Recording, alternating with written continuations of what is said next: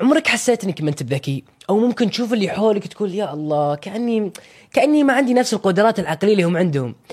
لكن تخيل لو أقول لك إنه ممكن لا بالعكس عندك قدرات عقلية لكن ما عرفت كيف تستغلهن بشكل صحيح. هذه فكرة كتاب Get Smart للمؤلف براين شريسي معكم محمد القفاري والدكتور فلان بن علان. اليوم بصفحتين اللي مو بس نلخص كتب ولكن نعيش كتاب في عشرين دقيقة. يلا يا جماعة الخير خلينا نقول بسم الله الرحمن الرحيم. يبدأ براين تريسي بكلمة. وهي إنه كل الناس يعيشون في نفس العالم وفي نفس الحياة، لكن كل واحد يعيش ظروف مختلفة، مثلا شخص قد ينولد في مثلا عائلة ثرية، شخص قد ينولد في بلد معين، ولكن العالم عالم واحد. واحيانا قد تلقى أخوان عاشوا نفس الظروف في نفس العائلة في نفس البيئة ولكن شخص فوق وشخص تحت. يقول براين السبب الأكبر هو بسبب نظرتهم للحياة. في مثال جدا جميل لهذه الفكرة قد قرأته في كتاب أغنى رجل في بابل وهو يكون رجل مرة مسك مثل الحجرة بس حجرة سخيفة جدا طالعة مثل القزازة ملونة فكان عنده حجرة آه، وردية وحجرة خضراء بس من سخف الحجر تطالع كأنه قزازة. فيمسك الحجرة الخضراء وينظر للعالم في مثل فلتر أخضر ويمسك الحجر الوردي وينظر للعالم في فلتر وردي. تقول شيء جديد محمد؟ أنا أقول لك شيء جديد. هو يناظر نفس العالم لكن بمنظورتين مختلفة. يقصد هنا المؤلف وكذلك يقصد براين إنه قد نعيش نفس الظروف في نفس المكان ولكن بسبب نظرتنا للحياة وقدراتنا قد يختلف النتائج. وأكثر وأهم وأفضل شيء تسوي بعد توكل على الله سبحانه وتعالى اللي تقدر تطبقها لتغيير حياتك هي نفس الحاجة اللي قاداء الدول يستعملونه. ورؤساء الشركات وكل ناجح في الحياة والتاريخ أستعمل نفس هذه الفكرة وهذه فكرة جدا مهمة وهي التخطيط أو ممكن تقدر تقول الأهداف وجود الأهداف. تدرون أنه ما يقارب إلا 10% من المجتمع عندهم أهداف ولا بعد بزيدكم شيء ثاني. 3% منهم عندهم أهداف مكتوبة.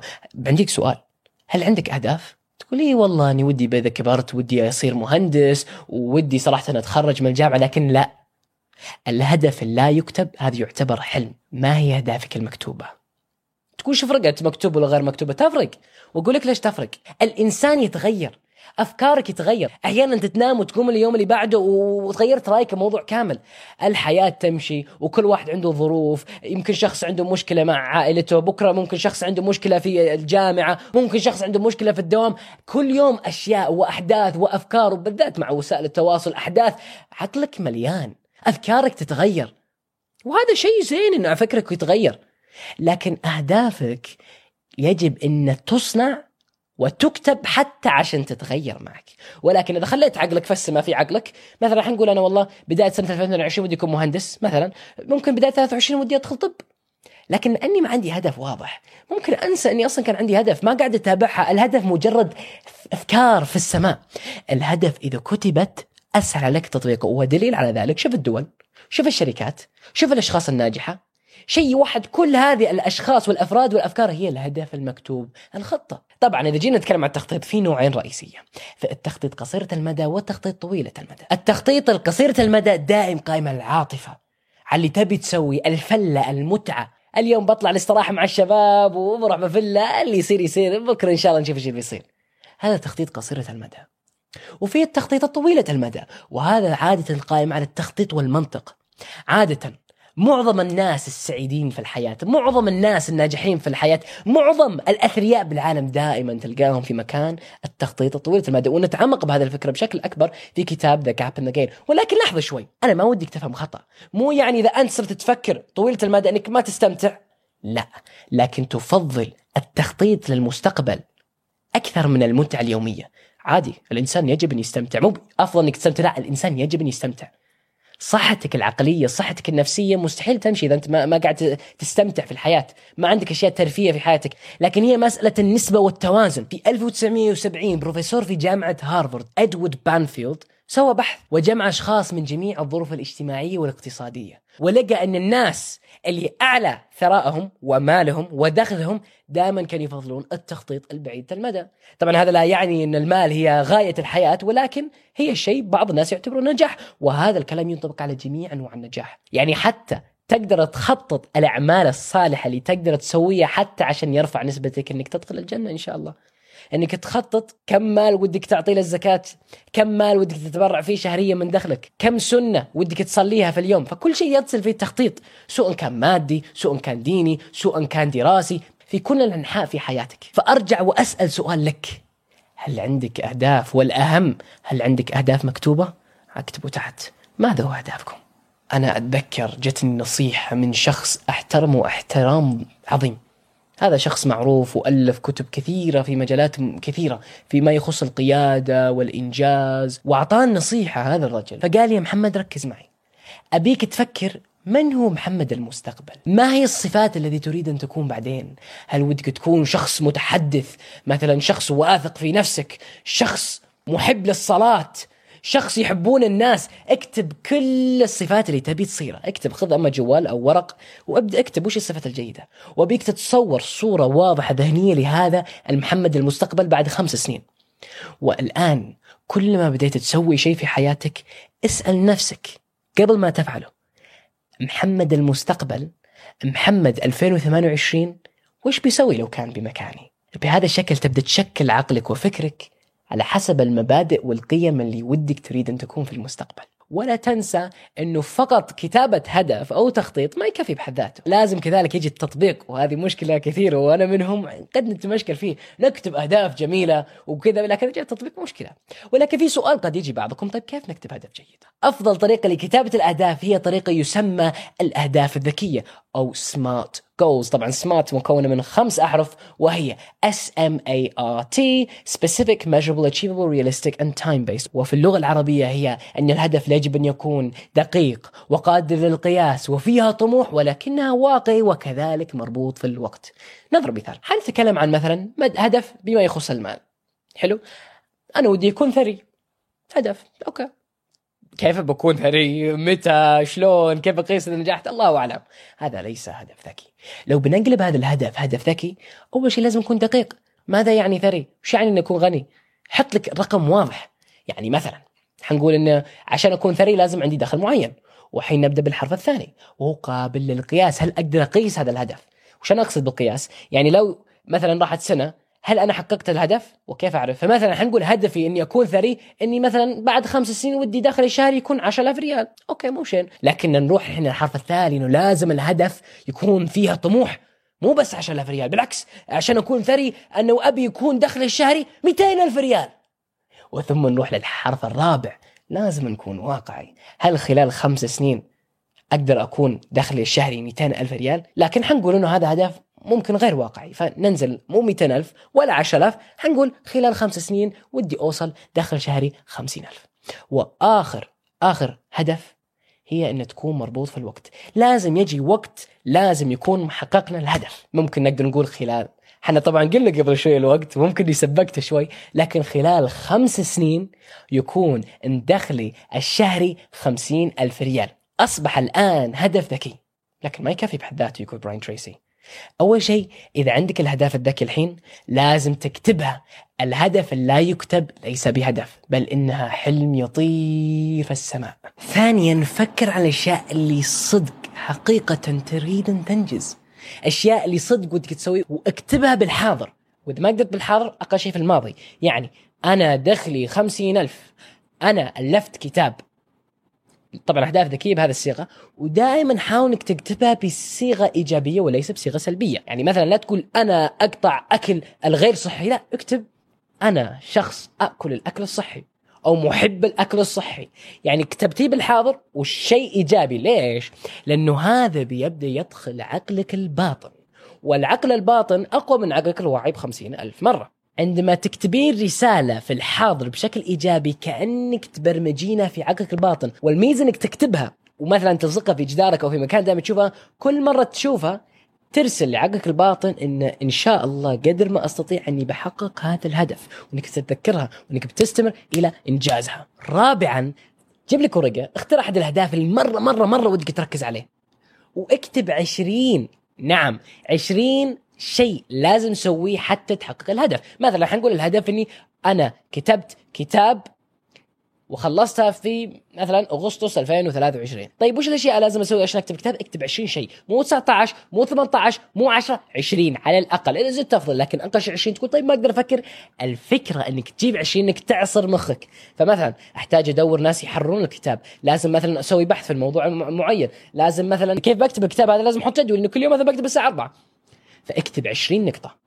وثم ابدأ على النقطة الأولى بأسرع وقت. وابدأ انجز. لو تسوي شيء واحد كل يوم أو كل أسبوع بتلقى إنك انجزت الهدف بشكل سريع جدا. فدائما كسر الاهداف الكبيرة لنقط صغيرة. خل أهدافك واضح دائما. مثلا تلصق على جدار بابك في غرفتك النوم مثلا. ودائما خليك مستمر بمراجعة الأهداف وتغييرها إذا أحتجت. لأنه دائما الإنسان يتغير وأهدافه يجب أن يتغير معه. طيب ننتقل من الأهداف. وش الأشياء الثانية اللي ممكن نقدر نخرج قدراتنا العقلية فيه؟ اللي نقدر نسوي أن نقوي قدراتنا باتخاذ القرار. أفكار الإنسان يضرب مثال براين تريسي مثال عجيب. تعرف مثلا ال Seven Up ولا البيبسي ولا الكولا أو اي مشروب غازي زي الموية الغازية؟ فكيته يبدو إيش يصير يخرج الغاز بالماء يبدا يطلع مثل بالونات ما ما أدري كيف أوصفها صح يعني bubbles يبدأ يخرج. كل ما يخرج واحد يخرج بعد ثاني وثم ثالث ثم رابع وهذه فكرة المشروب الغازي.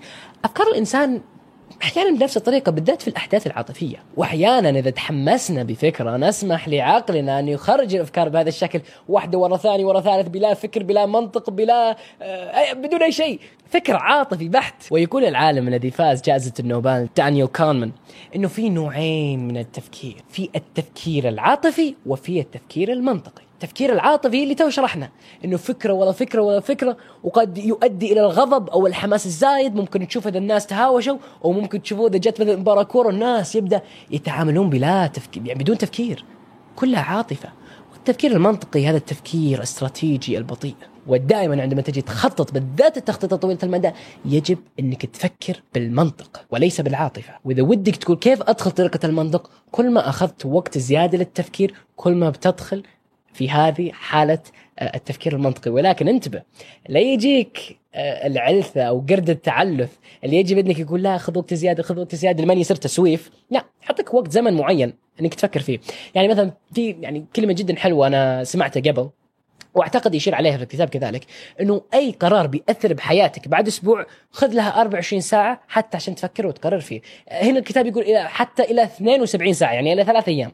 يعني مثلا أنا أفكر ببتعث لا يكون بسم الله جزمنا ببتعث لا خذ لك يوم يومين ثلاثة فكر واستشير واستخير اكتب وش الإيجابيات والسلبيات وفكر بالمنطق. لكن المهم إنك تحدد وش المدة الزمنية حتى عشان ما يجيك التسويف. كذلك إذا ودك تدخل في هذا الفكر المنطقي تقدر تشير إلى كتاب التركيز الفائق ونتكلم في هذا الكتاب في فكر أو حركه معينة يسمى الاسترخاء الفائق.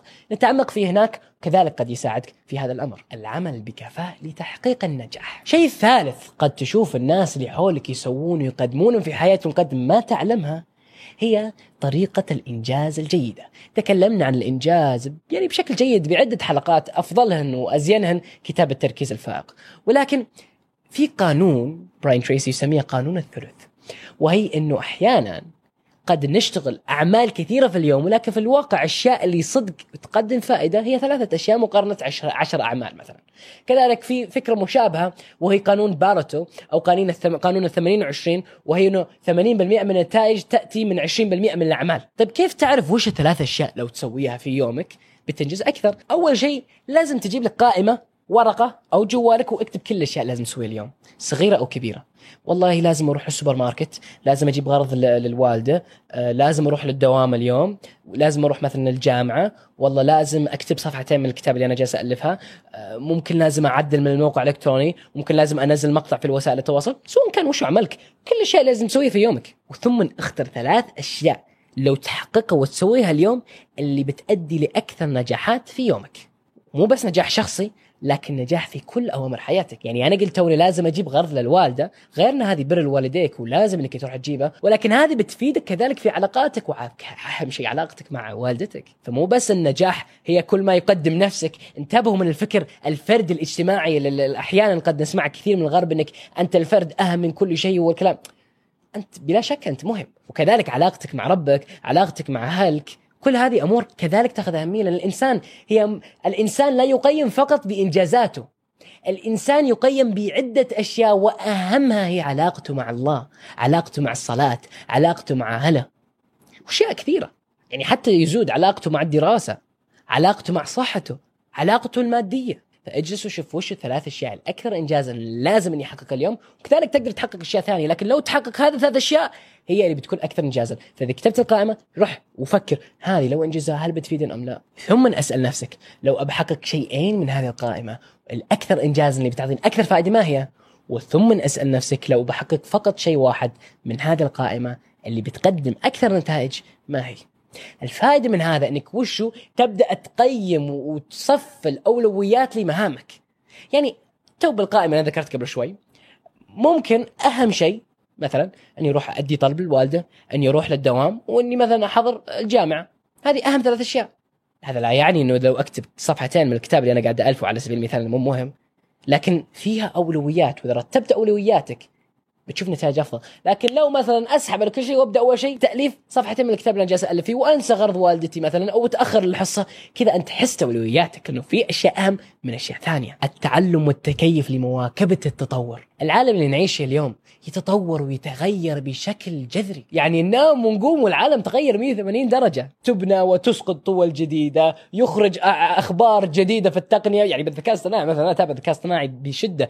حرفيا كل يوم يخرج عشر أخبار عظيمة تغير العالم. يعني مستحيل تتابع الأخبار بس في مجال الذكاء الاصطناعي غير إنه العالم والتقنية ووسائل التواصل وأخبار الناس أشياء كثيرة. فشيء مهم إنك دائما تكون متابع للأفكار الجديدة المفيدة اللي بتجعلك تنجز وتعيش حياة أفضل. اهتم دائما بالمهارات الجديدة. يعني أنا تو ضربت مثال بالذكاء الاصطناعي. إحنا دائما نسمع عن المهارات والمهارات الناعمة جدا مهمة وتعمقنا في هذا الموضوع في كتاب أسبوع آه، اللي ماضي وهي فن التعلم الذاتي. ولكن مثلا في مهارة جدا مهمة الناس بيتطلبونها في المستقبل وقولوا محمد القفاري ما قالها وهي مهندس الأوامر.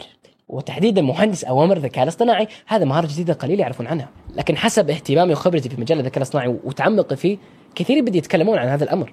وهي قدرتك على المحادثة مع الذكاء الاصطناعي وإخراج الفائدة منه، ان الذكاء الاصطناعي زي الإنسان. أنت قد ما تقدر تأمر منه بيعطيك نتيجة، يعني لو طفل يكلم الذكاء الاصطناعي بيرد له مثل الطفل، والعاقل اللي يتكلم مع الذكاء الاصطناعي بيرد له كما عاقل، والدكتور والمفلسف والمهندس كل الأفكار دي تنطبق بنفس الشكل. فإنك تتعلم مثلا مهارة أو هندسة الأوامر هذه مهارة جدا مفيدة. وما تقدر تتعلم إلا مع متابعة الجديد. دائما إنك تجعل نفسك بارز في مجالك. يعني أنت مجال أو قطع معين دائما حاول تطور نفسك فيه. أنت مجال مثلا القانون. كل الناس محامين. لكن إنك تطور نفسك إنك تقرأ في كتب الناس ما يقرونها إنك تحدد نفسك بأمور الناس ما يحطون فيهم وإنك تخصص وتطور نفسك هذا بيميزك على بقية الناس. ولو ودك تتعمق وتقرأ أكثر في هذا الموضوع سويت حلقة كاملة يتكلم عن هذا في كتاب فكر مرة أخرى. يتكلم إنك لازم تشكلي أفكارك حتى إنك تطورها. طبعا أفكارك العلمية وليس أفكارك العقدية وإن كذلك لازم إنك تكون قدر ما تستطيع اجتماعي حتى لو ما كنت اجتماعي إنك تحاول تحتك في ناس في مجالك تتعلم منهم وبهذا الشكل تطور فكرك. فأنصحكم روحوا شوفوا كتاب فكر مرة أخرى. الابتكار والتفكير الإبداعي. الابتكار والإبداع شيء أساسي في الحياة. حتى مو بس من ناحية إنجاز أو من ناحية ذكاء من ناحية سعادة في الحياة. إنك تبتكر إنك تبدع إنك تستطيع إنك تناظر الحياة بمنظورة مختلفة جديدة قد ما حد سبق نظرة بهذا الشكل. هذا شيء غير يوسق آفاقك وقدراتك ولكن شيء جميل. لكن التفكير الإبداعي تحتاج أنك تمشي بمخاطرة. يجب أنك تطيح يجب أنك تسوي إخطاء. مستحيل أحد يبتكر أو يبدع بدون ما يخطي لأنه من هذه الإخطاء سوف تخرج الأفكار الجميلة واللطيفة. أنا حاولت إني أخرج برنامج مثل صفحتين اللي تتابعونه من أربع سنين. أول ما بدأت في مجال تلخيص الكتب كان في 2019 كنت ألخص الكتب في سناب شات. كنت أجلس في السناب وأقول السلام عليكم وهذا كتاب فلاني وما أدري إيش وممكن أقدر أشغل لكم مقطع إذا لقيت اللي يتابع على اليوتيوب يعني ممكن يقدر يشوفه. لكن كانت شينة ولا حصلت نتائج. وحاولت مرة أخرى في 2020 وحاولت مرة أخرى في 2021 أستخدم التيك توك وإني ألخص كتب. ولكن مرة ثانية ما نجحت ما نجحت إلا لمن حاولت وحاولت وأخطأت واستمريت وحاولت وأخطأت وابتكرت إني جيت لليوتيوب وجبت الدكتور فلان بعلان بهذه الطريقة بهذه التلخيصة مع هذا الفريق مع كل الأمور حلوة. ودائما طبعا أحمد ربي وأحمد جميع الفريق اللي يساعدونا في صفحتين من معدة الحلقة الاء إلى المونتيرا المبدعه ريم. إلى مدير القناة الإبداعي الأستاذ أحمد وكثير من الفريق المتبقين اللي بدونهم ما أقدر أني أنتج هذه الحلقات بهذا الجودة بهذه الاستمرارية، لكن نرجع للفكر الابداعي لا تخاف إنك تخطي، يعني في دائما طريقة جميلة ودك أفكار كثير إنك تجلس أما لحالك أو مع فريق وتبدأ تجدع أفكار شينة زينة واكتب اكتب اكتب اكتب اكتب اكتب, اكتب أي شيء. خرج عقلك. خرج كل الافكار من عقلك. ثم ممكن تحصل فكرة جيدة منها. لكن أنت بانك ما تتخوف هل يصلح أن يقول الفكرة ولا لا؟ لأن بهذه الحالة قد يقل عدة الأفكار اللي ممكن تقدمها. وكذلك إذا عندك مشاكل اكسر المشاكل إلى قطع صغيرة وحاول تحل كل قطعة قطعة قطعة لمن تحل المشكلة بأكملها. إذا أنتم تبون كتاب يتكلم عن الفكر الإبداعي والابتكار علموني تحت في التعليقات. تجنب التفكير الميكانيكي.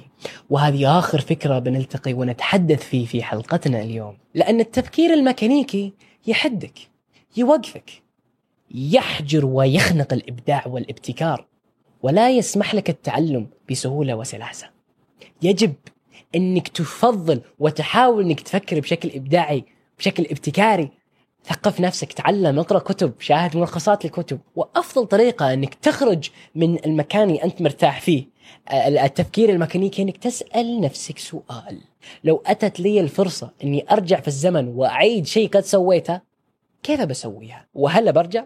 يعني مثلا نقول أنا أرجع قبل سنة لمثلا كتاب معين أنا ألفته. لو أرجع قبل سنة كيف لو بعيد تأليفها وش أشياء ما عجبتني؟ ليتني غيرته؟ وهل صدق أبرجع أم لا؟ طبعا في هذا العالم الافتراضي.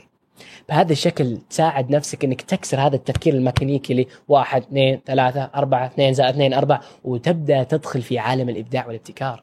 أهم شيء إنك لا تتندم على الماضي. اللي راح راح. أهم شيء إنك تجعل المستقبل أفضل مما سبق. وأعيد وأكرر. لازم إنك تخطي.